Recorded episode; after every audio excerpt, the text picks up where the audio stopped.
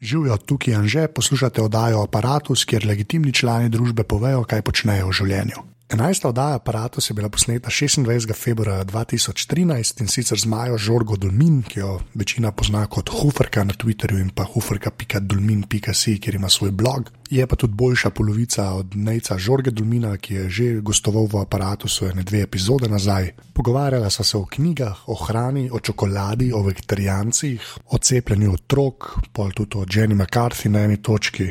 Zraven pa še vsa programska in strojna oprema, ki jo Maja uporablja. Če tole slučajno poslušate v iTunesih, bo pa kakršna koli cena tam dobrodošla, da še kakšen poslušalec najde tale podcast. Evo, zdaj pa Maja.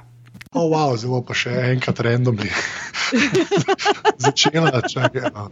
To je mit, evo, vrhunsko. Okay, zdaj pa, kaj se nič ni zgodilo. Okay. Uh, kdo si in kaj počneš? Ja, moje ime je Maja Žorga Drmin. Ukvarjam se pa s prevajanjem, lektoriranjem in slovarjenjem, čeprav bi najbrž mogla to v drugačnem vrstnem redu povedati. Prevajam, mislim, kao prevajalka leposlovja, ne? ampak zdaj izdana imam dva romana, uh, prevedena drugih stvari. Zdaj eno leto nisem nič v zvezi s tem delala, ker sem bila bolj pri enem drugem projektu. In sicer smo delali slovarček nekako starejše knjižne slovenščine, je tudi dostopno na spletu, če bi si kdo hotel pogledati jezikovni viri starejše slovenščine. Imp. Tako da so bili moji, moji dnevi so načeloma preživeti za računalnikom. No. Ne glede na to, kaj počnem. Kje dve knjige si pa prevedla? Tisto, kar je bilo izdano, je bil Amanitijev, kako Bog ukazuje, to je en italijanski sodobni pisatelj. Pa ta druga je bila pa uh, podmornica Joea Dantorna, ki je pa nek uh, valižanski, tudi sodobni mlajši pisatelj. Ni bila pa izdana ena druga, ker sem naredila veliko napako, ne tega delati. Prevedla sem knjigo v celoti, preden sem potem začela kontaktirati založbe, dve leti potem, ko sem jo prevedla, če bi slučajno kdo jo rad izdal. Vmes so bile že pravice zakupljene, tako da to se ne počne. Ja, what can possibly go wrong? Ja. A una podmornica, to kot kakšen tehnotriler ali ima sam tak ime? Ne, ne, to ima sam tak ime. To je v resnici en tak mladinski roman, pač odraščajoča doba, najstniška in je tip. Uh, v bistvu je zelo zanimivo vprašanje, zakaj je dal naslov podmornica. Ker nima veze s podmornicami. okay. Nekaj slišal se je nekaj, ki bi Michael Crichton napisal. Ne, ja, ni thriller. ja, neka ruska podmornica, ki priti, a veš, američani, potem morajo skupaj. Vem, mač. ampak ja. Okay. Ne, recimo, da on tok po sebi in po odnosih med vsemi šari, da gre tako globoko, kot bi šla podmornica. to je zdaj že na, na tenko namazan, kot je ta metafora. Ampak, a, a pol, kaj sklepam, pol, da znaš italijanski, ne, če že italijanske. Ja, ja, res je. Italijanščino sem, sem imela v srednji šoli, pa potem sem šla študirati, ker se mi je zdelo škoda pustiti, ker mi je bila tak lep jezik. a, a pa si primorka? Ali? Ne, Ljubljančanka. Kva, in si, kje si imela, pa si na Poljane hodila? Na Poljane sem hodila, da. Edina prava gimnazija, jaz tudi. Odlično. Sam jaz sem bil klasična smer, kar pomeni latinščina plus uh, nemščina. A, no. Ja, in oboje znam, gremo reči, znam samo angliščino. več, uh, več si ne upam reči. Ampak ja. A zdaj ta stara, kako si rekla, slovar? Kako? Slovar starejše knjižne slovenščine, nekako to je stvar, ki je vam prišla iz tega. To je v bistvu zadeva. Hm, bil je nek tak uh, evropski projekt digitalizacije starejših besedil. In uh, v okviru tega evropskega projekta sta zraven prišla inštitut Jožef Štefan Panuk. In potem zdaj, Nukova zadeva je bila, da so oni digitalizirali zadevo, ne? da so pač spravili sploh uh, neke papirnate oblike v obliko, da imamo mi zdaj to lahko v končni fazi tudi na netu. Medtem ko na Štefanovi strani je bila pa stvar uh, v bistvu delanja slovarja, anotacije teh besedil. Ne? In to je v bistvu korpus se je zgradil. Korpusi so jezikoslovni, poznaš to kaj? Pojma nimam, imam samo okay. kimo, nekaj povedati. ja. Korpusi so v bistvu, ko ti vzameš uh, neko veliko število besedil, recimo zdaj pač v tem našem primeru so bila to pač neka besedila iz 16. do konca 19. stoletja. In potem v bistvu ta besedila nakupčkaš skupaj, tako da dobiš uh, ven potem besedje. Ne? Recimo, besedica je, se pojavi v, besedil, v teh besedilih. 20.500 krat, medtem ko beseda hiša, recimo, se pojavi 27 krat. Zdaj sem si izmislila, da hiša se najbrž ne pojavi tako redko. Ampak, okay. ja. In v bistvu, potem, ko ti dobiš uh, to, ne, potem pa začneš anotirati, torej začneš uh, govoriti, da je v tem stavku. Je dejansko glagol biti, medtem ko v nekem drugem stavku je pa je lahko oblika zaimka ona, ne? veš, ni je bilo, recimo. Uh mhm. -huh. In potem se v bistvu ti sprehajaš skozi vse jeje in skozi vse ine in skozi vse, potem seveda tudi veliko manj pogoste besede. In, uh, in govoriš, tukaj pa ta beseda to, tukaj pa ta beseda to. In potem najzanimivejši del, ki iz tega ven pride, so pa seveda izumrle besede. Ne? Mislim, mi smo jim rekli izumrle, zastarele. Uh, besede, ki pač danes jih načeloma ne poznamo, oziroma če jih pozna kdo, jih pozna kdo mogoče iz svojega dialekta, ampak ni pa tako splošno znana beseda. In potem smo pač pri takih besedah mogli brskati, kaj zdaj danes to pomeni. Zdaj, vem, imeli smo Andoh, dobro, pobožno zbranost, nemško-slovenski slovar, ni, ni problema, ampak potem imaš pa še ne vem, kakšno drugo besedo, se zdaj le, seveda, jaz ne morem več na pamet spomniti, mečkam tukaj lepo golfala.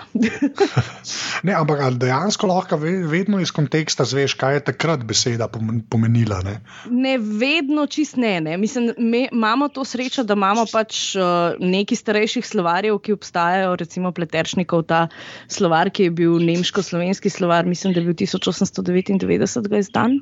V glavnem, v Pleteršniku smo potem dosti gledali, če je on slučajno to besedo že poznal. Ne? Potem je bilo seveda razlaga v nemščini, pa si mogel iti potem še v nemško-slovenski slovar gledati, kaj za boga zdaj tisti je.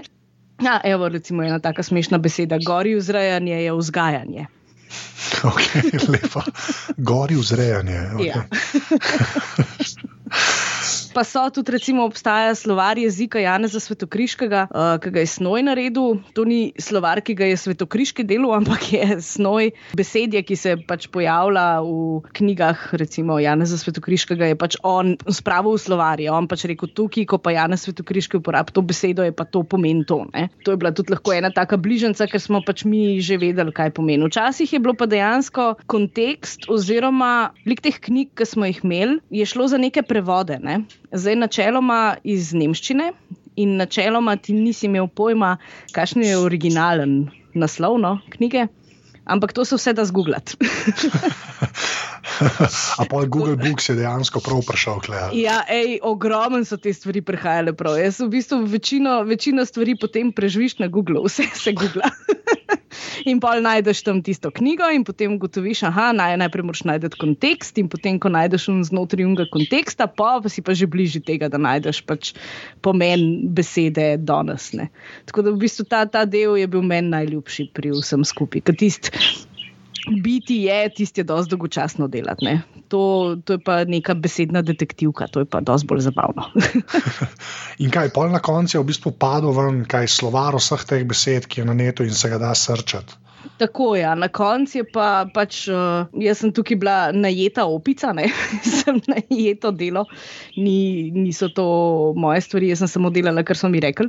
Ampak ta vodja projekta na, na tej strani je pa Tomaš Rjavc in on je pa potem vse te stvari zdaj pošlihtu, da greš lahko na spletno stran in da lahko vidiš tam digitalno knjižnico, torej da lahko vidiš kera besedišča vsa so bila uporabljena, lahko tudi bereš ta besedila, če te pa zanima.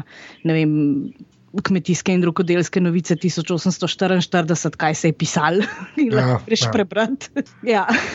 Še takrat so bili domovranci pa partizani, čeprav je bilo vse sto let prej. Ne, ampak. Kakšne so bile takrat delitve? a, veš, a veš, da sem jaz bila dejansko tako zelo pozitivno presenečena nad vsebino, nad kvaliteto kmetijskih in rokodelskih novic. Tako prav tisto, uh, mislim, da sem enkrat zelo tvitelna, da bi, da bi tak odnos v današnjem časopisu človek pričakoval, ne pa več kot 150 let nazaj. Ker so recimo. Ne, ko je prišla železna cesta v Slovenijo, je očitno obstajalo cel kup enih mitov, kaj bo narobe, ker bo pač to prišlo. Vem, ljudje bojo zboleli, ne vem, kaj vse še bile, so bile še neke neumnosti. Od vlakov. In, od vlakov. Odlično. In, uh, in potem imaš dejansko članek, tak preverjene informacije, lejte, to ni nič res, zaradi tega pa tega pa tega. Ne? In tako, ne neko strašenje ljudi, pa tako, ampak lejte, realna situacija je taka, pa znanost od zadnje je taka, pa vemo to, pa to, pa ne vem. Para, ki bo poganjala, je whatever. Mislim, pač razlaga tako. Ja. Da, tako, da se zagre, brez strašenja. Pač antisvet na kanalu, a hočeš reči. Tako je. Ja. Če to me zanima, koliko pa je bilo teh tekstov, ki si sploh ne znam predstavljati, koliko pa je bilo tega, koliko smo pa mi ohranili mislim, veš, v osnovni šoli zmeramo na brežinski spomeniki. Ja. Človek ve, pa pa počasi. Jaz, ja, jaz ne vem, kaj je takrat obstaja. Mislim, koliko pa je tega? A, mislim, uh, imaš kakšno predstavo, koliko je to volumna? Lej, jaz zdaj le v bistvu golfam, pa gledam tukaj na, na, na našo spletno stran. oh, 428 enot smo mi imeli noter. Ampak zdaj, kaj so te enote? Te enote so recimo prevedeni romani, ali pa te enote so recimo fizika iz leta ne vem koliko, ah, klele, 1869. Ampak enota je pa tudi, recimo, ko sem omenila kmetijske in rokodelske novice. Ne? Pač, uh, valjda nismo celotnih kmetijskih in rokodelskih novic imeli noter, smo imeli pač neke izbrane ja. strani, izbrane članke. Ampak sem pač, ja. dobre dele, sem te dobre sem dele. Te dobre dele ja. Rokodelskih novic, valjda. Vse se je vedel, kaj je bilo pametno. ja, lepo, le, me je to ful zanimivo, jaz se dajem stvari izmerne kul, sploh pa, ker se pol daje na net, če tako, taka searchable database, to sam lahko pomaga. Ne. Ja, ej, jaz priporočam res, res so zabavna besedila. Recimo, veš pa, pa tudi naslovi, taki, tale domače žino živino zdravstvo v boleznih konj, govedja, ovac, prašičev, koz, koz in psov, ali nauk, kako mora kmetovalec svojo živino rediti, ji streči, jo krmiti in ozdravljati. ne, pa se to je kul, cool. pa mogoče bom, bom še kaj vedel, razen brežinski spomeniki so enkrat obstajali. je tema. No, je tako, ej, jaz sem pa rokodelski novice iz leta 1996, bral, že 1896, že sploh ne znam reči. Ja. Predolg nazaj. Ne? ja, se zaradi tega. No, zdaj pa, ki so že na spletnih straneh, kjer se stvari objavljajo, greva še na tvojo. Uh, ki je v bistvu, kaj je huferka, pika domi in pika si, imaš tako? Tako je, ja, ja tak naslov imam za enkrat. Ja, okay. Zdaj, unike ne vejo, kaj je to, jaz pač vem, kaj je to. Kaj je? Ja, to je nek kuharski blok, recimo temu tako. jaz sem se to začela spraviti pisati, um, v bistvu tako rada jem. pa rada dobro jem. Ja. Pa, oča bi rekel, da, da pol si jedec. Ja, tako je. Z velikim J. Ja. In, uh, in v bistvu se mi je vedno se mi je dogajalo, pač rada sem brala tuje bloge, uh, kuharske, in sem se dosti naučila iz tam. In dosti se mi je dogajalo, da sem pač nekaj naredila in da so me potem sprašvali za recepte. Ne. In ko je bil potem prvi tweet mit, na katerega sva šla z Necem, ker mislim, da je bil tehnično drugi tweet mit, sploh, sem jaz prenesla pač tam brownije, pa tele. Uh, čokolada prelita s smetano, ki jo v polu kroglice oblikuješ. Kako se že reče? Mene sprašuješ, ja, jaz. Če kdo ve, kaj je oslaščica. Ja, okay, jaz imam jajca na res, pa hrenovke. Ne imamo čas konc. Jaz, sem, jaz, ko bom star, bom preveč odvisen od drugih ljudi, to se že zavedam. Ja. Jaz bom pri 65, ki bo umrl samo zato, ker ne bo znal več tam narediti. Ampak ja, ne, ne vem, okay, gremo reči Brownje in še eno stvar. Zlatni tartufi. Ja, oh, okay. ja, jaz to ne bi znal sploh reči. Ja. Drugače je to najbolj izi stvar, ever, in je, je pa tako dober, da vsi mislijo, kako si ti kompliciral, da si to naredil. Je pa tako, ne bi mogel biti bolj enostavno. no, lej, si, zaradi tega je v bistvu meni pač huvorga kul, cool, ker ti imaš pa le šune naslove, ne vem, čokolad hladna torta za idiote. Ja. Veš, kaj paš te naslove in dejansko tako izpade, da, je, da bi lahko kdorkoli pristopil uh, k zadevi. Ja, no, sej to, jaz, jaz se ful trudim tako delati. se trudim pač povedati na ta način, zato je tudi uh, ogromen slik na moji strani, ki bi rada tudi pokazala vse postopek, kako se to pa un, pa kje so keči, pa kaj je, ker v resnici. Um, če jaz mislim, da ni težko skuhati tako, da je dober. Če pač imaš neke osnove, oziroma veš neke stvari, in včasih moraš samo en trik vedeti, pa je to to. Recimo, ena moja prijateljica, to je zdaj sicer čistko, ampak uh, jaz sem mi, to je bilo še v srednji šoli, na Poljanah. Je, ona je naredila uh, eno čokoladno torto. In sem jaz to čokoladno torto jedla pri njej, in je bila full dobro, okus je bil odličen, ampak je bila zbita kot pes. In sem jaz razmišljala, pač, kaj bi se dal narediti, da ta zadeva ne bi bila zbita, kot pes. In sem pač spremenila postopek. Vzela sem sestavine, so čist njene, nisem njene, iz tiste knjige, ki je ona pobrala tisto ven.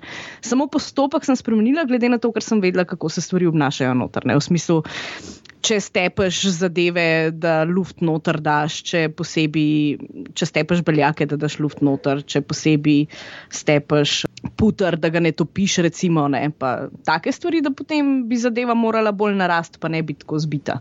In sem to spremenila in potem naredila torto, uspela tako, kot sem si jo predstavljala, in potem jaz njej nazaj recept dala, ne, njen lasten.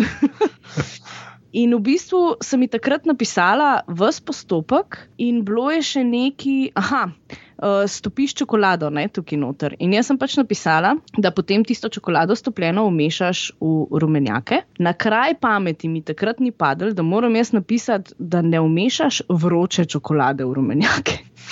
Da malo počakaš, da se zadeva shladi, ampak da je še vedno tekoča.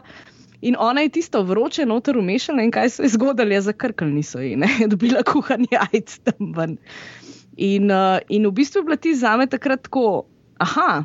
Pač na vse tiste stvari, ki ne pomisliš drugače, zaradi tega, ker se ti zdijo tako logične. Ne? Mogoče nekdo, ki pač nima mu samo izkušnje manjkajo, pa ne pomislim na neko tako čist banalno zadevo. In potem se ful trudim, da so moji recepti taki, no, da je čim več vseh teh stvari noter. Zdaj, načeloma potem tiskam, da dobim nazaj feedback je folk zadovoljen tudi zaradi tega, tako da je v redu. ja. No, ja, dej, zdaj prej sem da čist prekinil. Kako je postavila na TweetMeetu in si uno prenesla, da še povedala genezo bloga? Ja. ja. ja, in sem tisto prenesla in so isto potem začela padati v prošnje za recept. Ne? In naj se pa meni že dve leti predtem, da je dejmo, dejmo, da odpri svoj blog, da odpri svoj blog, jaz pa kar neki ne, pa ne, pa ne. Pa je bilo pa tisto nekako zadnja una, no, veš, brca, da je bilo tisto, ok, zdaj če bom pa itak pisala ta recept, ne, pa ga itak pošiljala okol ljudem, pa pa lahko tudi blok odprem, pa pač pošljem samo en link, ne pa da pošiljam vsakmu posebej maile. In pol v bistvu tam se je začel, da, da sem začela to delati. Zdaj, uh, če bo kdo pozorno pogledal datume na moji spletni strani, bo videl, da, da, sem, mal, da sem bila letos mal nepridna, no, kar se tiče objav.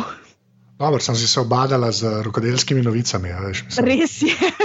Pač ne moš, človek ima samo tok časa. Pač, ja. Ampak veš, zakaj najbolj zastaja ta zadeva? Ne zaradi tega, ker jaz ne bi šla v kuhno, pa ne bi kuhala ali pa pekla, pa ne bi poslikala vsega, ker imam na tisoče in tisoče slik, ki čakajo, da pač jih obdelam, ampak v bistvu gli zaradi tega, zaradi obdelovanja fotk. No, viš, to je bil pa glih moje vprašanje. Ja, Ker si prej že omenila, lepo, da imaš full velik fotkne. Ja. Da sem to, kdo folk dobro malo predstavlja, ker vsak blog se mi zdi, da ljudje mislijo, da pač nekaj napišeš, objaviš, pa je merne. Koliko mm. enega dela gre v to? Ali pa saj en ta proces opiše, veš, da je ok, skuhala si pa pofotkala, ko se pa pol mora vse zgoditi, da to, da to pride na kufrko. Uh, ja, pa pa v bistvu jaz pač vseh teh milijon fotk, ki sem jih naredila, moram pregledati, ker so vsaj približno spodobne, ker um, jaz nimam profesionalnih fotk, niti ne polprofesionalnih fotk, jaz imam čisto amaterske fotke. Zaradi tega, ker pač uh, svetloba najboljša je dnevna svetloba 100%. Ne? Sploh, če imaš neko trotel kamero, če nimaš nekega res fotoaparata. Jaz pa načeloma te stvari delam od petih naprej. Pač predtem sem v službi, v narekovajih, tudi če delam od doma, ne, ne kuham in ne pečem ne vem, ob 12, ko bi bila idealna svetloba za vse poslikati, ampak grem vedno v kuhno potem zvečer. So temu primerne sence, pa ne vem, pa imam white balance, malo na robe naštiman, pa se ti strudem loviti, pa se fotično čez mano zmeniti, pa tako. In pol pa zberem tiste, uh, s katerih se da videti, kako gre postopek, kaj so tiste stvari, ki jih moraš dati noter. In potem te fotke prenesem v en programček, Pixelmator. Aha, pi, a, oziroma Pixelmator, veš, kaj to mben ne ve, ja. kako se, ja, kaj to Nemci delajo. Pa, pa jaz znam v glavi, da je Pixelmator. Pa dramatično nekaj. slišiš. Ja, ja. Bolj nemški deluje. veš. No, potem pa dam v Pixelmator za tevo. In v bistvu ta programček me mehen obživce spravlja, zaradi tega, ker jaz bi rada tista, veš, če imam zdaj le 20 fotk, ki bi jih rada obdelala, bi jaz rada vseh 20 fotk noter prenesla in potem jih pač obdelala eno za drugo. In on nekako se ne strinja s tem načinom. On bi raj, da mu jaz, ne vem, po 3-4, to mu je čist super, ampak če pa jih dam 20, pa pa traja tako 500 let, da odpre vse tist, pa še kaj se mi poruši vmes, pa tako. In potem pač včasih. Uh, Rečem, ah, pejce solid, pa pač ne naredim tisti dan tega, pa pač potem tudi zadeva ni objavljena. Ampak ja, to pa traja, ne vem, kakšne pol ure, eno uro, odvisno od tega, koliko imam slik, da pač tiste stvari pošlih tam. Pa pa še sam post napisati, ker zdaj, če si kaj bral, si najbrž videl, da na začetku imam vedno neko, veš, jaz sem zelo tako, kot vsi najbrž. No.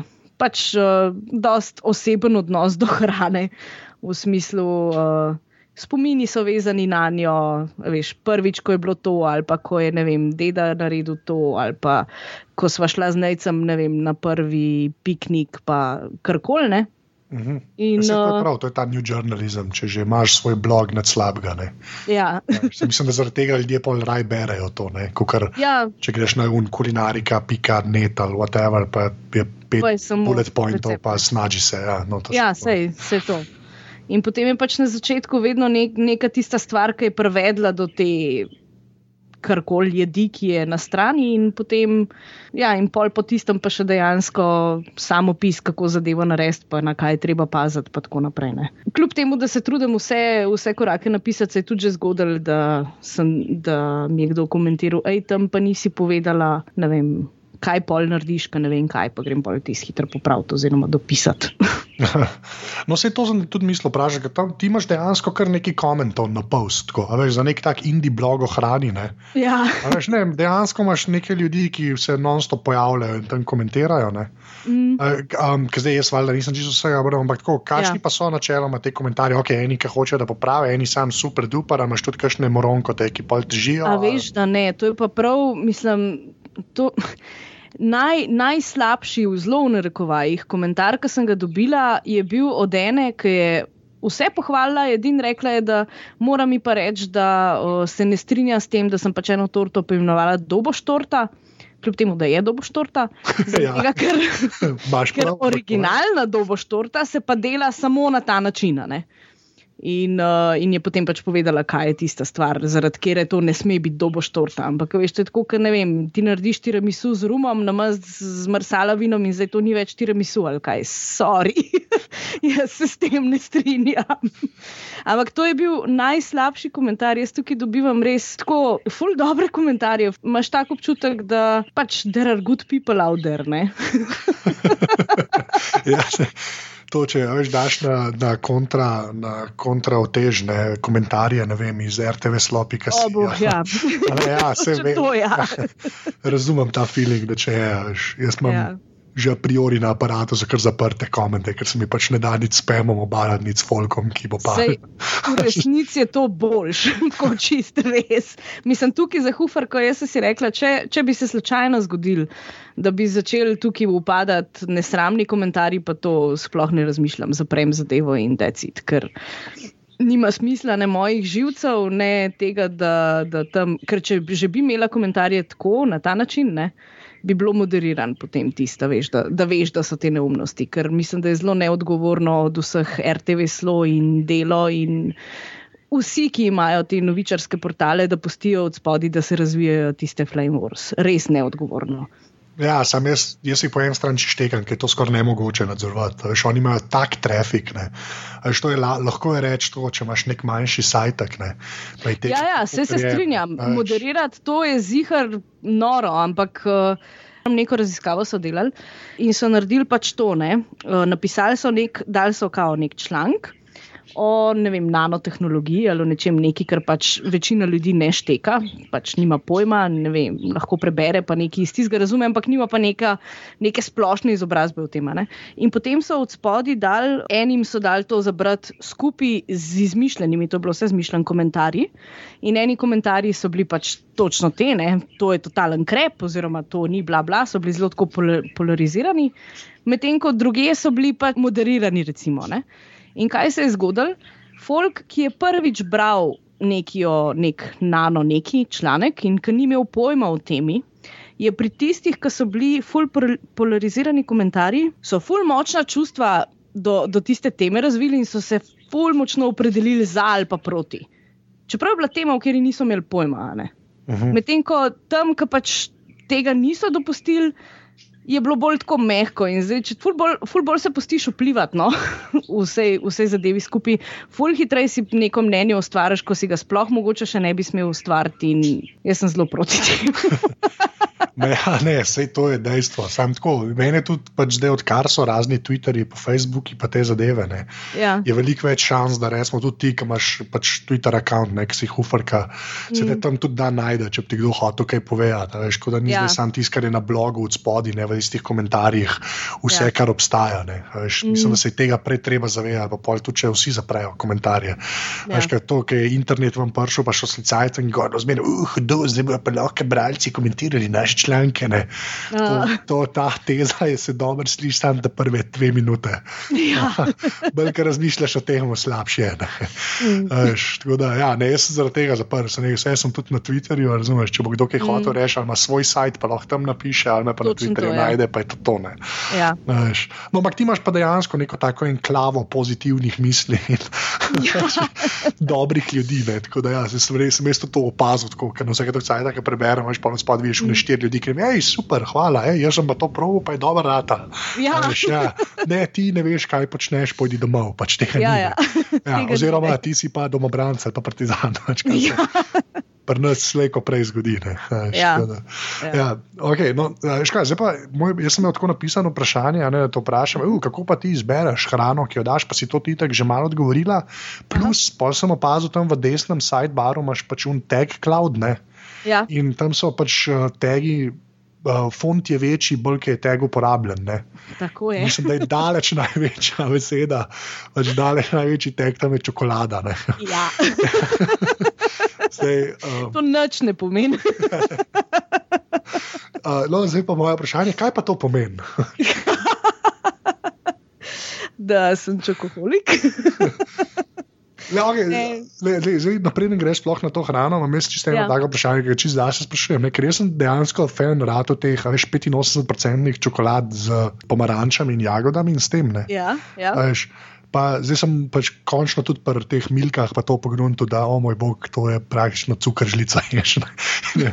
Še reže, pač malo narobe. Zdaj, mm -hmm kje se ti vidiš, pač, kaj je za te čokolada? Veš, če rečeš eno šestletniku čokolado, rečeš, milika je. Ja. Kaj, kaj ti misliš, da je ta prava čokolada, oziroma tisto, kar bi ljudje mogli imeti za ta pravo čokolado? Zdaj, jaz drugače, tukaj bo zdaj eno priznanje. Mogoče nisem hodila, ampak ok. Uh, drugače, tako deset let, po mojem, vsaj nisem jedla milk, pa vsega tega, ker mi je bilo ful presladko in ful ne čokoladno. In edina čokolada, ki me je res prepričala, je bilo od 70 dalje. Um, in pač tisti tist mi je bilo res dober, tisti mi je bilo tako, da sem dala usta, je bilo, o, čokolada, to, to sem rabila. Zdaj, zdaj pa, no, to, ups. To je zdaj malo uh, osebno, zdaj sem pa noseča. in me tako folk sprašuje, če kaj čudne stvari jem, ne? v smislu, ne vem, kumarce skupaj z rašidovim maslom ali pa kaj takega. In jaz ne jem nič takega, ampak zdaj so mi prvič začele dišati take prav, veš, milke, Rafaelo pa bel kruh. Pa, tako, tako stvari, ki pač bi kdo rekel, da je to neka. V narekovaju normalna hrana, ne? pač nekaj, čemu si dosti izpostavljen lahko. in nekaj, na čemer sem včasih skoraj malo nos vihala. No. Zdaj se pa bašam. Zdaj pa vse dobro. Zdaj pa vse dobro. Kako pa pol, recimo, res, koliko imaš filtra? Glede tega, ne, ko delaš te svoje jedi, ne, koliko imaš tega filtra, da daješ noter stvari, ki so pač dobre, v smislu, da niso pač krep, ki bi ga ljudje jedli. A, na, na, na blog ali kako misliš? Ja, na blog. Ne, veš, neko jed delaš, ne, pa rečeš, ja. za ene knjige recept, pa je tam noter nekaj, ki veš, da je tako mogoče, da obstaja neka bolj zdrava alternativa. Si vestna do tega ali pač narediš tako, kot je v bukli, pa narediš pa po svoje. Oziroma. Uh, ne, zdaj, da bi ful pazila, um, zdaj, nisem čez jih, da sem prav štekala vprašanje, tako da bom mogoče odgovorila v napačno smer, me lahko popraviš. Pravo, ni panike. Okay. Uh, jaz imam drugače, pač razen tega, da sem rekla, da sem vihala nos ne, nad raznimi milkami in tako naprej. Imam drugače zelo tisto odnos, veš, nimam, jaz, izogibajmo se sladkorja in maščob in uh, ne vem kaj, in samo bio, eko, polno zrna, to je pravi način življenja. V bistvu za sladice imam celo obratno, če je sladica ne bo dobra. okay. Zajedla nekaj povprečnega, samo zaradi tega, da se bom počutila boljš, ne. Not gonna happen, in potem tudi ne gre na blog uh, neki tacga. Jaz pač objavljam tukaj gor tiste stvari, ker zadeva mi služi na nek način tudi kot moj kuharski dnevnik, v smislu, pač vedno od osnovne šole naprej sem si pisala recepte in, uh, in sem jih pač imela v blokcih in imam zdaj pač tri take bloke, ampak je v resnici dosti bolj praktično, če je zadeva na netu, ker veliko hitreje najdeš stvari pa iPad si lahko neseš v kuhno, recimo, pa potem tam kuhaš, pa neč ne popacaš. A sem, a sem šla drugače v pravo smer? Ne, ne, ne, v redu, v redu. Ja, ja, ne, ne, Aha, okay. To sem mislil. Pač, veš, koliko imaš tega filtra, zdaj gledaš na te zadeve, ali pač, da je dober, pa v bistvu edini filter je, da je pač teb dober. Zdaj, Točno pač, to je. Ja. No, vse to sem mislil. Ja. Pa še to zadnje vprašanje, v bistvu, kar se uh, hrane kot uh, hrane tiče. Uh, ker sem videl, da imaš tako ene, na vsake dok cajt se ti pojavijo neki vegetarijanski. Pač, uh, uh, ja. recepti. Ja. Zdaj, pa, ti, ki pač dejansko kuhaš, koliko si nekaj naredila, ki je bilo vegetarijansko, pa da ti res ni manjko pol meso, prvo ni jedi. To je resno vprašanje, ker jaz, pač, jaz, jaz, ne, jaz vsakeč, jaz nimam več proti vegetarijanske hrani, tudi kdaj jem, no vsake dok cajt. Ja. Pač mes je mes. Zdaj ti, ki si bolj od tega, ki dejansko tudi kuhaš, veš pa pripravljaš te zadeve. Ja. A, a imaš feeling, da se tam meso da nadoknaditi, da se ga ne da? Ja, jaz imam feeling, da se ga da nadoknaditi, uh, ampak pač spet uh, ne izogibajmo se maščobam. dobro, da ne bomo o tem, kaj je vegi, pa kaj ni. Zate je tudi, če je riba zraven, je v redu ali ni v redu. Ja, oh, pa pa fišeterijan, spal moj bog, ne. Razumeš, mislim, zdaj riba je, jaz pa vuni, uh, jaz pa jem samo stvari, ki nimajo obraza. Pa, jaz, ja, ja. ali ješ meso, ali pa ne ješ, pa se pa odloči. Jaz bi mislil, v smislu res, a se ga da nadoknaditi. Veš, kaj ti, ne, tam si vem, da si imela en, ne vem, vegetarijanski hamburger. Ja, pač, ja. Če mi rečeš, da je zadeva hamburger, imaš neka pričakovanja hranja, ki ga boš jedel. Ja, sploh kaj hem noter. Ja, kaj hem noter, če rečeš drugega. Bravo, štala lepa. Zdaj, a se da tok nadomestiti, da ti ga ne, ne pogrešaš hema, ne? Ja, jaz mislim drugače, da se da. Jaz sem imela točno ta problem, ki ga imaš štiri, če rečemo, da je to problem. Par let nazaj, ki je bilo tisto, pa jaz sploh znam narediti nek, nek obrok da ni mesa noter, ker mi je bilo preveč, priznam. Tako, ni, ni mi bilo do tega, da bi vsak dan jedla meso. In sem v bistvu kupila potem od Marka Bitmana How to Cook Everything Vegetarian, ki je knjiga debela tako od 10 cm, 12 tisoč neki, ne vem, ali pa 2000, ne vem več koliko strani, samo vegetarijanskih receptov. In uh, v bistvu iz une knjige sem mogoče naredila tri recepte, ampak zadeva je napisana tako, imaš recimo pite, ne? in potem imaš tam sicer 30 receptov za pite, ampak preden ti prideš do teh 30 receptov za pite, imaš pa ful razloženo o tem, kako se pač pito naredi. In ti v bistvu on že na začetku toliko razloži, da ti da možnosti za improvizacijo. Da ti že toliko veš, ko ti prebereš, da rečeš, ok, ni nujno, da grem jaz čist po tem njegovem receptu, jaz lahko to malo vzamem, pa to malo vzamem, pa to malo vzamem in potem imaš še bolj ti pomaga, ima tam še razpredelenco na koncu ponovadi, kjer ti reče, da te li vkusi grejo tudi ful dobro skupaj, pa to lahko daš, pa to gorgonzolo daš. In, uh, in sem se fulno naučila iz tam, no? čisto iz tega branja v bistvu te njegove knjige, tudi če ni šlo recept za receptane. Ugotoviš, da se čisto lepo da narediti, uh, kakšno tako, recimo tukaj gor imam tudi en kiš, spečeno bučo, karamelizirano čebulo, žajblem in gorgonzolo. V bistvu sliši se, ne vem, komplicirano, ampak fore v tem, da vse, kaj je noter, je napisano v naslovu, tako da decit. Ja, mene je prepričal že z gorgonzolo, ki ima povedal. Ne, da so vse en pol, kaj je bilo ostalo. da, je tako opeke z gorgonzolo bi jedel, če bi se ga. da ste se eno. Ja, no, dej, zdaj pa, ker sem že preknil, da je to v bistvu, v bistvu bolj prestrojni opremi vprašati za na koncu, no, ampak lahko zdaj, ja. ki si že omenila. Imáš kakšne, tako bom rekel, dve ali pa tri uh, kuharske knjige, ki jih res lahko priporočiš tako iz vsega srca, da rečeš, le sklebo pa dejansko. Uh, ja. To se pa dejansko splača ali kupiti ali prebrati ali kako koli. Um, zdaj, v bistvu ena, ena kuharca, ki je. Ker tako ne bi nikoli rekel, da so recepti iz tam božanski, ampak čist vsaka stvar, ki jo narediš po tistem, je tako za prste oblizen, čist vsaka stvar. In je kuharca je v bistvu The Eye Diet in je zadeva kao dietna knjiga od vsega možnega. Ampak fora je v tem, da ženska, ki jo je napisala, pač neka doktorica. Zdaj sem že pozabila, če se vidiš, kaj je bilo tako. Vem, da je tudi psihologija med drugim. Ona je delala tudi kot, prav kot šef, kot kuhar, kuhara. -huh. In ima tam stvari, jaz imam potem tudi tukaj na strani ene par receptov iz te knjige, ki so vse. Res, še kakšne take zadeve, ki bi rekel, veš, da to mi pa zihar ne bo tako pasal, neki z ječmenom jest, pa ne vem čem, pa je tako wow. Ker recimo pri nama je, pri nama je najbolj tista zbirčna metka, ne? Tako da. Tako da pač moram jaz potem, veš, če pridem ven s tem, da mi dva bova pa ječmen jedla, mora biti res dober, da bo on to jedel, drugače ne gre. In tam vse res. Tako da ta DI diet, mislim, da je Susan Roberts. Pa pa v bistvu, pa pa manj knjiga, bolj blog, lahko tudi to.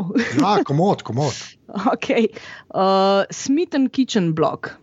Uh, stvari, ki so pač Debra, neki, ne vem kako se piše, ena New Yorkčanka, ki piše ta blog, tudi po moje, že deset let.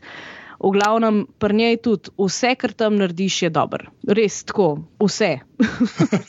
če se pač ona lotila tiste zadeve in jo raziskala, pa če greš ti pač za, za njo, ne moreš svaliti, no, smiten kičen sploh.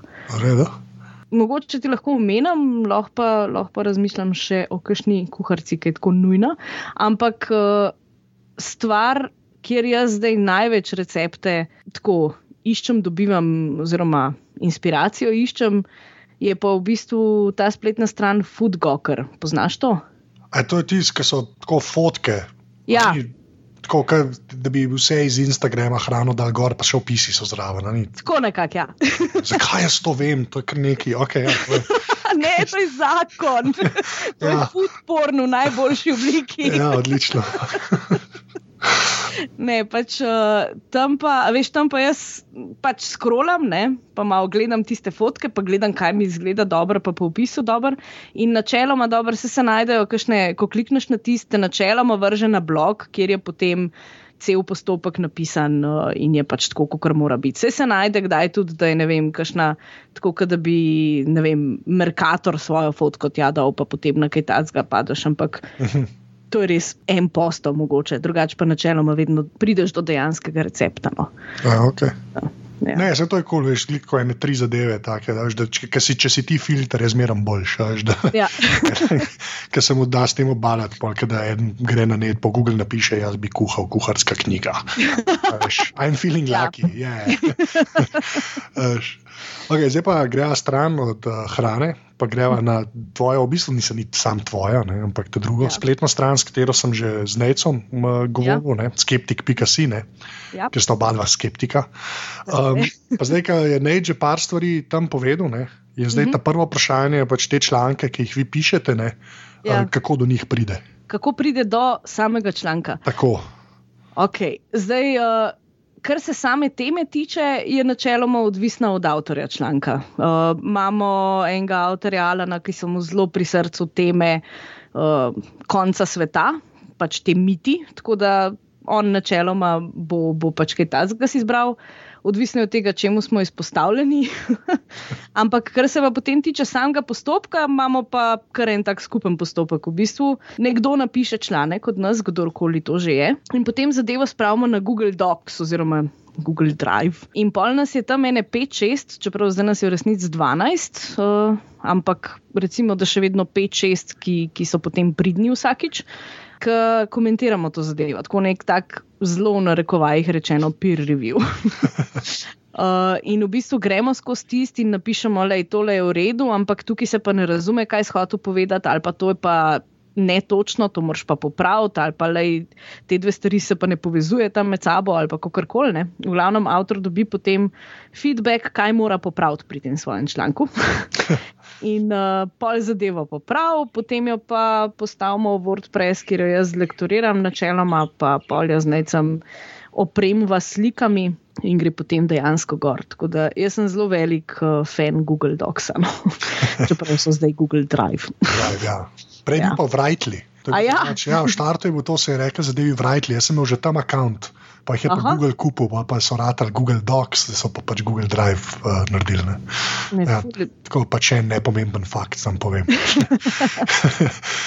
Kje teme pa tebe tam najbolj zanimajo? Ne? Zdaj tam vem, da vas je več avtorjev, pa jaz sem pa itak ful pozoren na to novno flaško, ki si jo ti ja. pač post napisala, ampak se ga tam ja. vem. Pa kaj pa tebe tam zanima, kaj iz te skeptične sfere? Pač?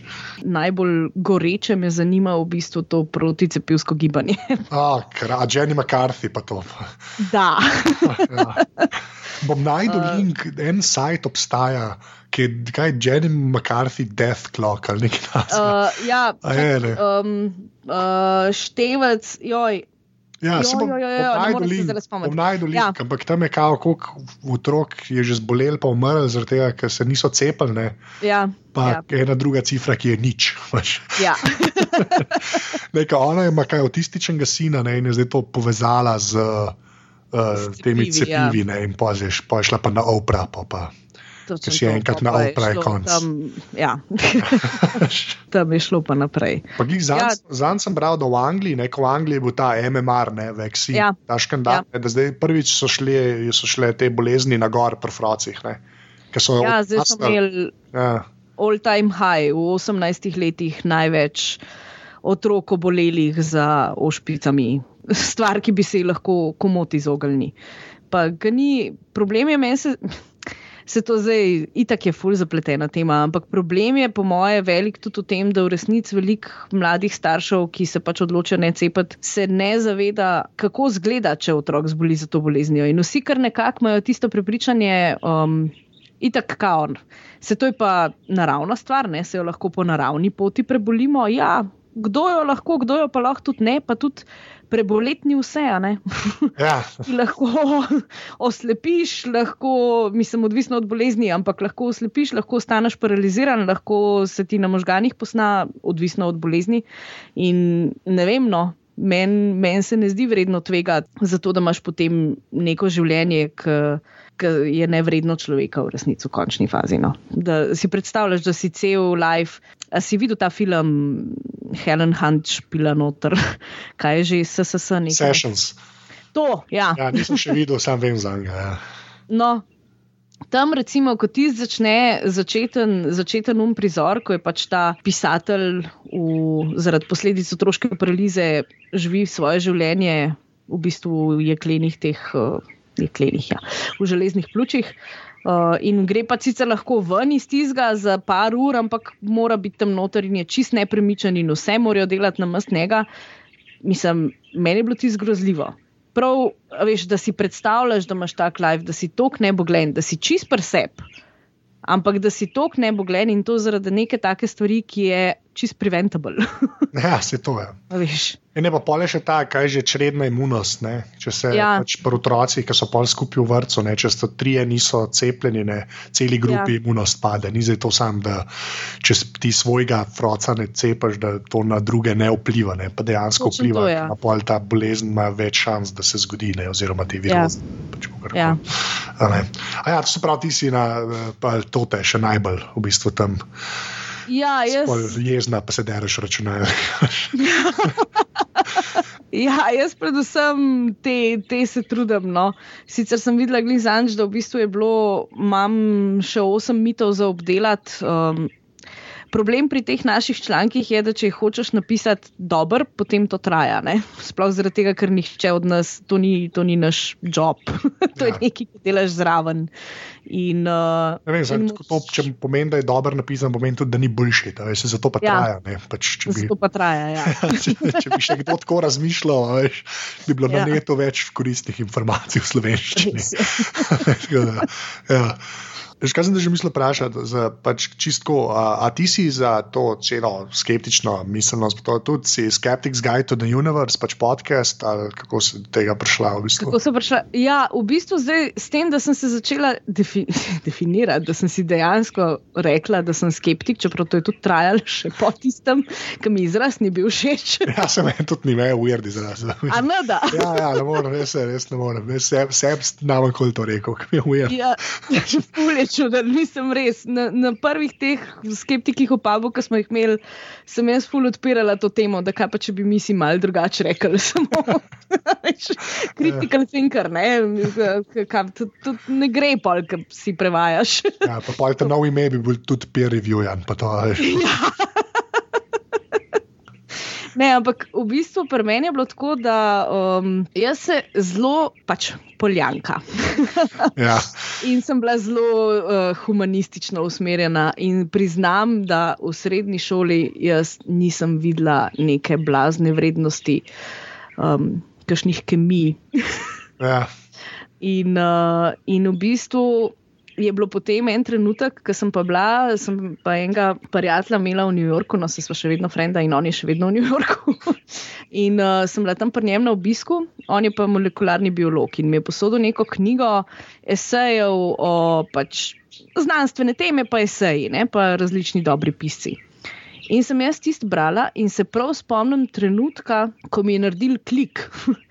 ki mi je naredil, da se znanost pa ni v bistvu samo seciranje žab, kot sem imela neko tako zelo bedno predstavo. Ja.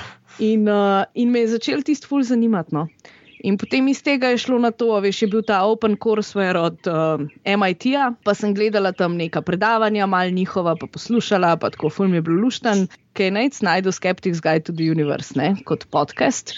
Je bilo ful tisti veš, je, je že bila neka ta predispozicija, da to so teme, ki me fulj zanimajo. Ne? Tako da pa so v bistvu oba skupaj začela to poslušati. In uh, pa je pa tako, kot tam govorijo, ne? veš, ko pišejo tiste maile. Ja, sem poslušal vaš podcast ne vem koliko let, pa pol mi je zdaj le še le kapeljno, da jaz sem pa tudi skeptik. Pa ti ti poslušaš, pa si misliš, haha, ne.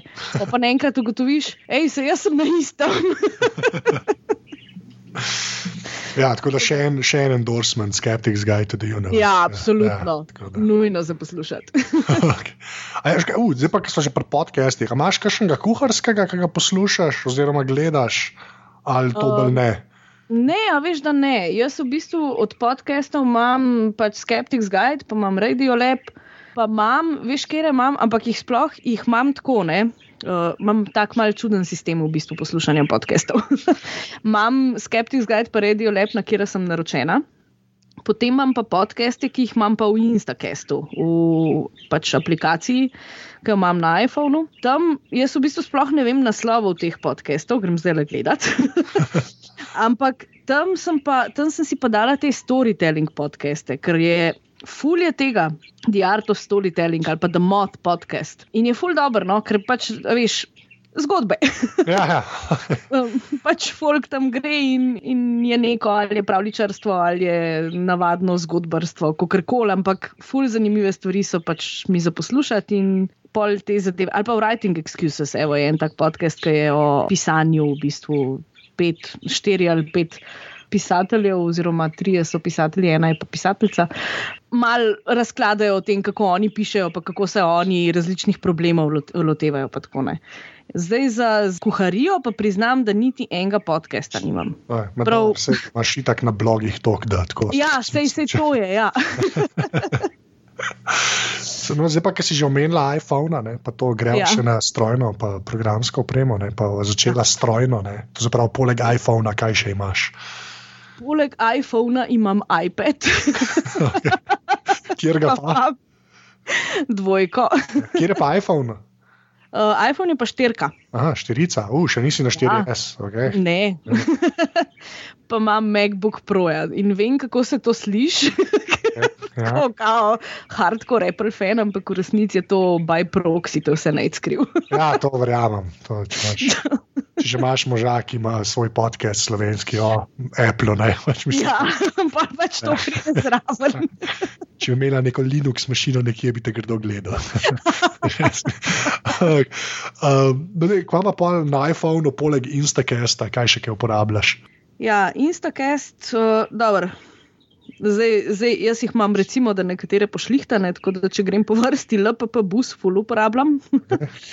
Mislim, meni je full uporaben podcast, podcast bravo, jaz, full uporaben app in uh, pač LPP bus, pa odpiralne čase, pa ko je bil čas za to bicikl. Drugač pa, kapel, vem, da je že najc omenil. Res je. Checkmark je tudi omenil, samo jaz ga uporabljam malo drugače kot on. Jaz ga uporabljam zato, ker moram zdaj jemati zdravile, no, se v resnici niso, pač folno kislino, pa omega 3. Aha. In nekako to pozabim, pa ne vem, ali sem že vzela ali nisem. In pa sem si dala ta checkmark, zato da me vsak dan ob šestih opozori, Maja, vzemi zdravila. pač to naredim. A ja, Kindle app imam seveda gor. Ful mi je dober, zdaj mi je najc mi je zaplenil moj Kindle Kindle. Ne? Ja, to so se pogovarjali Ja. novi epizodi. Ja. Ja, tako da zdaj jaz nimam svojega Kindla, imam pa pač zdaj iPad. Jaz. In, uh, in mi je ful dobro, ker v bistvu ta Kindle app, uh, načeloma zdaj berem Kindle v posli, pa uh, je čisto v redu, da na iPadu, ki je lahko luč ugasnjena, pa lahko pač uh, najcmirno spi naprej, jaz pa pač berem in ne motam. Ne? Ampak mi je pol fajn, če grem kamorkoli, pa moram kjerkoli čakati v vrsti, da grem enostavno tukaj na svoj app in berem naprej, kjerkoli sem pač že ostala na drugi napravi. Tako da Kindle je kul. Cool. pa kaj vam še? A, Collectors Books, poznaš to? Ne. To je pa v bistvu en uh, app, ki je povezan z enim takim programčkom, uh, Collectors.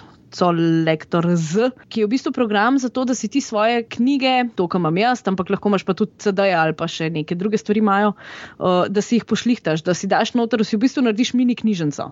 Aha. Veš, da daš noter vse podatke o piscu, naslovu, kobis, ne kobis, um, uni številki, uh, se nam spomnila. Pač IBAN, no, to Ja, so- Iban, ja, ja. ja, Jaz sem tudi mogel pomisliti. Ja. kjer je že ne. Ja, ja. Uh, te cifre in v bistvu za novejše slovenske se jih celo najde in samo napišeš IBAN noter in ti vse podatke venda, medtem ko za starejše je pač treba res vse ročno pisati.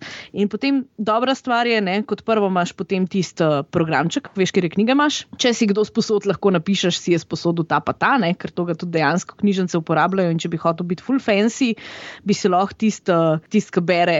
Črtne kode kupil, tisto pištolico, pa bi lahko tako sposojil doma. Vrhunsko. Ja. Ja. Poveš, da sta dva v Sloveniji, ki bi to celo počela. Ja. bomo videli, če kjer posluša aparatov, bom mail dobo. Odlično. Doma sem postavil knjižnico, ker imam klet in podstrešje. ali- Ampak, ja, sorry, povej. Ne, ampak a veš, kaj je še ta ful dobra stvar, ne? čeprav slabo je potem, moraš imeti res vse knjige vnešene noter. Meni se je ponovilo ene parkrat, da sem neko knjigo kupila, prepričana, da jo še nimam. In potem ugotovila, da jo imam že. In zdaj, če imaš pa ti ta kolektor, imaš vse knjige pošlihtane na kompu, pa imaš pa še kolektor z app. Greš ti v trgovino, no, dobro, ne greš v trgovino, greš v knjigarno. Upišeš noter to knjigo v svoj app in vidiš, če jo že imaš doma. A ja, ok. ne zgodi pono, ponovni nakup. tako, da, tako da je uporabna stvar. iBooks imam sicer tudi gor, ampak priznam, je, meni je Kindle ful bolj všeč kot iBooks. No? In iBooks imam gor v bistvu samo zaradi tega, ker je, če hočeš kakšne slovenske knjige kupiti pa brati, ker bi jih jaz zelo, zelo, zelo, zelo, zelo rada na teh napravah brala, potem je to. iBooks je edina varianta, ker so vse te založbe, ki so kaj dale ven, so dale v bistvu samo sem, niso dale na Amazonu. Ja, vse to No. je napisal, mislim, da je ne dve številke nazaj v monitorju, pač jaz si za monitor pišem. Ampak, okay. Aha. Je tudi en je napisal članek o tem, pač, kje so elektronske knjige. Ja. Ja. Klicaro po založbah, pa razložil bom, da bom magar link, si lahko folk prebral, zakaj. Moraš znati angliško ali pa francosko ali pa nemško, da je Kindle res uporaben. Uh, Ja, tako da pač iBooks imam zaradi tizga, je pa res, da se meni zdi, da so kakšne od teh slovenskih knjig še vedno pasje drage tam gor. Mislim, lahko bi bile polcene, pa bi še vedno. Veš, z veseljem bi dala pač tist, kar rečeš, o, le si sam 10 evrov, ne pa preračunano, če je 12 ali pa 13 ali pa kakorkoli ja. dolarjev. Ampak če pa grem, pa vidim, da je knjiga 30 evrov, pa pa veš kaj, ne bom je kupila pole, zato da jo bom imela jaz tukaj. Ja. Šla pa raje kupiti dejansko knjigarno, če bom res hotla metane to se mi zdi vseeno malo preveč. No. ja, valjda, valjda. 30 je pač, ja. mi nis, nismo mi Nemci, ki bi imeli tako kupno moč. Pač. ja. Aha, grocery gadget je tudi najbrž najco menil. True. No, to je drugač, full super stvar. ja, da lahko možno rečiš, kaj ne kupuje. Ne? Pač. Tako je. Ja. Ne, ne, ne, ne, skrbi. Ja, se to že on rekel. Ampak, ja. ne, ampak le, veš, koliko časa mi dva prehranimo s tem. Jaz grem recimo na Foodgokar, pa najdem nekaj, ki bi danes rada naredila za kosil. In potem grem pogledat, aha, le tega, pa tega, pa tega nimam. Ne? In pa grem samo v grocery gadget, ker imamo mi dva itak že bazo hrane narejeno, torej samo odkljukam, cak, cak, cak in se njemu takoj pokaže, in potem na poti domov že on lahko vse stvari prenese. A ni to dobro? Je, je, vala, ne. Ja. V bistvu, zate za kupovanje tako zgleda, da pač tam nekaj poklikaš in potem se to pojavi. Zdaj, kaj točno boš počne, sploh ni važno. No, pač črna skrinjica, kjer pač hrana se pojavi. To je to. Se sam za hrano. No. Ja, ja, Čakaj, da še kaj še ne vam pride.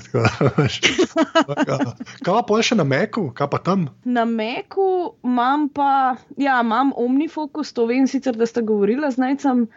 Uh, imam skič, tega pa zihar ni v menu. To je meni pošten. Skič je pa ena taka aplikacija, ki ti v bistvu zajem zaslona uh, omogoča, ampak ne na način, ni treba, da je cel, pač ti hočeš recimo samo nek, nek delček uh, zajetne. In to sem jaz doskrat rabila pa še vedno doskrat rabim, če hočem kaj komu pokazati, ne vem, iz, iz kakšnega besedila. Veš, ti, ti lepo zajameš, rečeš, da mi ti. Ta odstavek zajem, in potem lahko puščice gor napišeš, pa, pa usmeriš, je tukaj to, pa to, to pa to moraš narediti. In če delaš, recimo, kakšno navodila, tam pri tistem slovarju, ki sem ga omenila, te starejše knjižne slovenščine, ki smo delali, smo delali potem še uh, smo imeli še pomoč študentsko in je bilo treba narediti navodila, kako se sploh dela z orodjem, s katerim smo delali. Ne. In je bilo to fuluizi, potem skičem vse te slike noter, da, da so si oni predstavljali, da ni samo milijon teksta, pa nič ti ni jasen, kam moraš gledati, pa kjer gumb moraš pritisniti. Kleba pač lahko lepo, tako, full na easy narediš. Ker sem se najprej upirala temu, ne, da bi me kako plapa je treba, zdaj pa se to draži, ker ne vem, pa se lahko en drug komp kupim, kaj fulce naj, pa tako naprej. Ampak uh, v bistvu je pa delana zadeva tako. Da, da si lahko le en tak, kot jaz, ki nima kaj dosti pojma v računalnikih, pa ga lahko ful uporabljaš. ja, si skič so drugače pol kupili, Evernote ga je kupil. A ja, ja, ja. ja seveda, sem izkosti že zdaj z uno registracijo, sam jo kar nočem narediti. Vem, da je Evernote ga kupil, jaz ga imam na Androidu, so pol tudi naredili. Tako da ja, je fajn, ja. ker imaš take velike puščice, pa tako da daš dva, dve, dva lajna teksta zraven, je zelo ja. sliko. Ja. Ja, vem, ja. Ker prav pride. Ja. Tudi štekam, zakaj je pol Evernote kupil. Imam pač kupljen tudi Microsoft za Word, PowerPoint, pa Excel, ta paket, ki je, je Microsoft Office, Office za, za Maca. Ja. In je grozen. pa se je tako, ko enkrat začneš v Google Drive živeti. Ja. ja. To je edini pol za tiste stvari, ki jih ne morem v Google Drive narediti. Ker recimo, če mi kdo lektoriram, se nekla tudi ne. In zdaj, če mi kdo pošle zadevo za zlektorirati, navadno jo dobim v Wordovem formatu, je ne dobim v kakšnem drugem in potem pač moram imeti Word. Ja, ja, da se kaj ne podrene. Ja, ja. ja. ja. To imam jaz isto, ker so vse v Open Office delam, ker sem Windows še zmeraj. Tako da, uh, pa, če me treba z enim, ki hoče Word, pa upaš, da ne bo šlo noč na robe. Točno to. Več ali manj. Ja. Gremo na ja. vprašanje, ki ga vsem postavim. Uh, tisti kos strojne opreme, ki je bil zate narejen. Ne? Oziroma ki si ga imela, ki ga še imaš, pač neko strojno opreme, ki je res tako ja. tvoj bil in ga pač si uporablja, pa ga še uporabljaš. Ne? Pa ni nujno, da je računalnik ali pa telefon, lahko je pač kar lahko je kuhovnica zaradi mene. Pač, ne, pač, ne bo kuhovnica. Okay. Uh, in uh, sicer bi pač lahko rekla iPhone, zato ker pomalam in imam lahko vse gor, ampak v resnici stvar, ki je meni tako najbolj zakon, pa ki nimam pojma, kako je nec naredil, da pač deluje. ampak. Deluje, je mi doma pač delovna soba, kjer so računalniki, ne? in kjer, seveda, ker so računalniki, lahko poslušaš in podcaste in vse ostale stvari brez problema. Ampak uh, jaz, ko recimo ko kuham ali pa ko kakšne take stvari delam, se dosti prehajam po stanovanju in mi ful pomeni, da imamo potem še neke stare Apple TV-je, enega v kuhinji, enega pa v dnevni sobi. In potem s tem so povezani zvočniki. In jaz lepo samo rečem, predvajaj mi zadevo, ki jo poslušam na računalniku, v dnevni sobi in v kuhinji, in potem se sprehajam po stanovanju in lahko delam karkoli hočem pač delati, in skozi poslušam zraven tisti podcast ali pa pač karkoli hočem poslušati zraven. Tako da to je stvar brez katere mi živeti ni in ki mi nujno manjka v kopalnici. to, je, to se pravi AirPlay, v bistvu. AirPlay. Ne, ja. AirPlay v povezavi z pač Apple TV. -om. Ne, vse to je ja. res, kar lahko enkrat rečeš, zdaj se pa naj tam pojavi zvok. Ne, ja, to je kar meč ja, po eni strani. Ful je dobro, res. Ja, to, glika sem imel napota, ne, pa tudi rekel, da ima tega uh, jamboxa. Tu si videla ta Bluetooth ta zvočnik, ki ga lahko okol nosiš. Aha, ne, ne to, poznam. No, to si poglej. Uh, Jawbone Jambox je. Pa vse tam, če greš na aparatus.si pod napota, sem dal link od spodaj, nekje, no, bom dal še pretep. Ja, ne, še tako lep je, veš, imaš v različnih barvah, pa pač Bluetooth je in mislim, da celo AirPlay speaker je lahko, tako da res fajn zadeva. No. Jaz, jaz se prepričujem, da si ga kupu, no, tako, tako da pol, če ga še kdo vzame, pa nisem edini, ja, veš, tako da me že napoči z razveseljem. Ja, tako da, uh, tako da ja. Drugač pa tole je počasi to. Ja, kul. Cool. Ja, ful, hvala, res najlepša hvala, ki si ja, enako. Zdaj, glede na to, da pač eh, si ti kako visoko noseča, ko se temu reče, ne, so ja. to že zdaj le posnela. Ne vem točno, kdaj bo šlo ven, ampak si upam reči, da Aha. bo še najsta. Oh. To si upam reči, da bo še najsta. Dve enke, že ti to kaj pomeni. Dve enke, ja, ja mi pomeni, ne? Jaz se bom končno razpolovila v dve enke, ker zdaj le tole, da nosim še enega sabo, je prav zoprn. Noro, kašen simbolizem. Kaj, to, ne? Jaz sem to vse splaniral.